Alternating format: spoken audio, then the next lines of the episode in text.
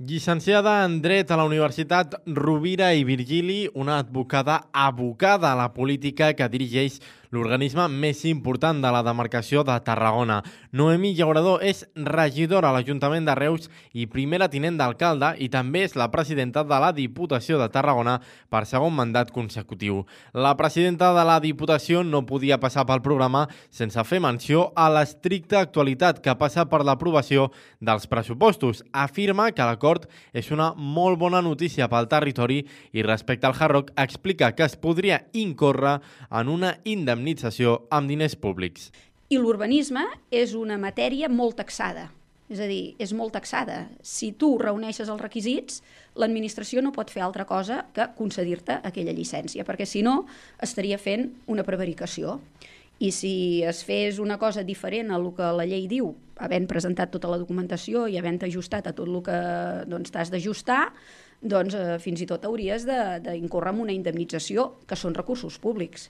I la Generalitat va dir sovint, i, i ho continua dient, que no hi haurà cap recurs públic per, aquest, eh, per aquesta actuació de, del Hard Rock. Per tant, en aquests pressupostos també existeix una partida dedicada al tramcamp. El projecte està també pendent d'al·legacions, en aquest cas per part del municipi de Salou. La presidenta de la Diputació assegura estar convençuda que el projecte tirarà endavant. Jo estic convençuda que el tramcamp tirarà endavant, que tots els municipis eh, estan a favor de que hi hagi eh, aquesta eh, nova no? manera de moure'ns per, per la demarcació i que crec que revolucionarà la, la mobilitat a, eh, al sud de, del país i en concret doncs, amb, aquests, amb aquests municipis i és evident que ara els municipis doncs, estan fent les seves aportacions, les seves consideracions en el projecte no? i doncs, en el cas de, de Salou doncs, consideren que la part uh, urbanística de, de, de lo que ha deixat no? el, el ferrocarril en, en el seu moment doncs, uh, els hi han de compensar econòmicament.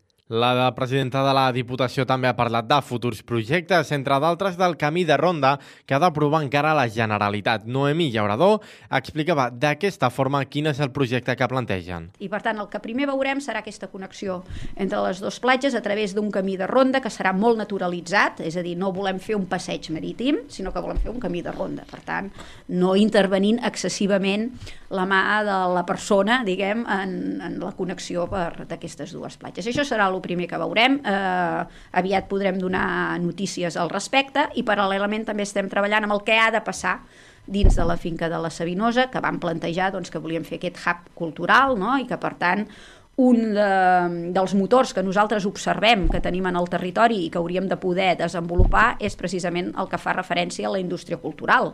Parlant d'infraestructures, Llaurador també ha destacat el projecte de la Diputació que vol ampliar i traslladar-se a Tortosa per tenir una tercera seu. La Diputació buscarà un nou espai que pugui ser rellevant dins de la ciutat. I en canvi la Diputació de Tarragona doncs, tenim seu a Tortosa, tenim seu a Reus i tenim seu a Tarragona.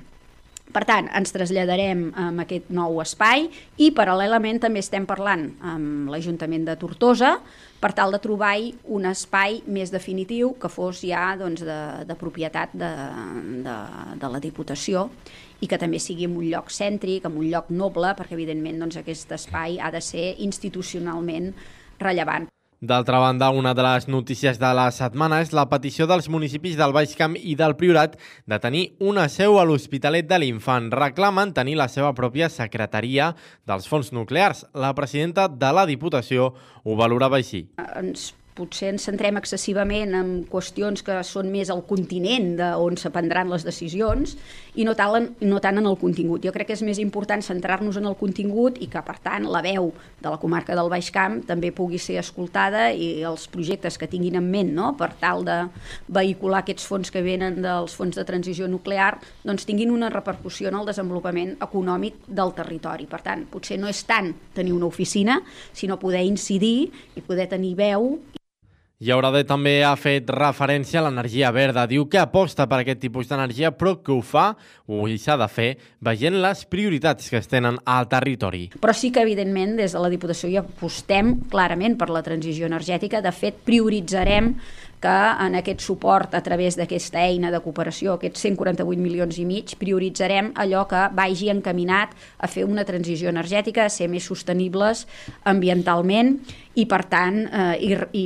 i disposem d'uns recursos eh, importants perquè els ajuntaments doncs, eh, els puguin dur a terme. I D'altra banda, com a primera tinenta d'alcalde de Reus, la Noemi Llaurador també ha assegurat estar molt contenta amb la situació que viu actualment Reus en termes de mobilitat i també d'obrir-se de portes a fora. Explicar que Reus és una molt bona ciutat per viure i com que és una molt bona ciutat per viure perquè té serveis públics de qualitat, perquè tindrà infraestructures properament potents com l'estació de Bellicens, com l'estació d'Intermodal, doncs molt a prop, perquè té un aeroport, eh, perquè tindrà el tramcamp, etc etc perquè tenim serveis públics d'empreses públiques que funcionen molt bé, com és aigües, com són els serveis funeraris, perquè tenim uns carrers bienalitzats que conviden doncs, a comprar amb un comerç que sempre ha estat d'excel·lència eh, a la nostra ciutat, perquè tenim un patrimoni modernista fantàstic, perquè tenim la cultura, tenim els teatres, perquè tenim perquè és una molt bona ciutat per viure.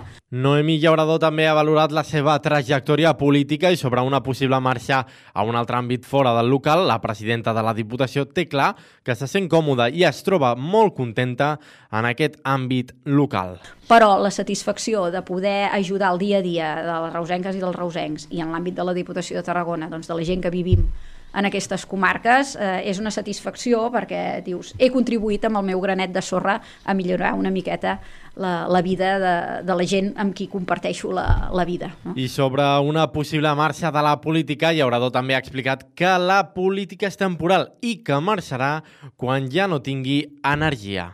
De moment em sento amb energia per poder continuar prestant aquest servei des d'aquesta vessant us dic, de moment m'enriqueix, de moment m'omple, suposo que una mica com va dir el Pep Guardiola, no? fins que buidis del tot i quan perceps que ja t'has buidat del tot és quan has de fer una retirada. Jo ara de moment em sento amb, amb energia per continuar. No et Noemi Llaurador ha estat l'entrevistada d'aquesta setmana del Distàncies Curtes, una entrevista que potser és la més fugaç del que portem de temporada. Les seves declaracions sobre l'àmbit dels pressupostos territorials podria quedar-se en paper mullat si Esquerra i el Partit Socialista no aconsegueixen recolzament per aprovar aquests pressupostos.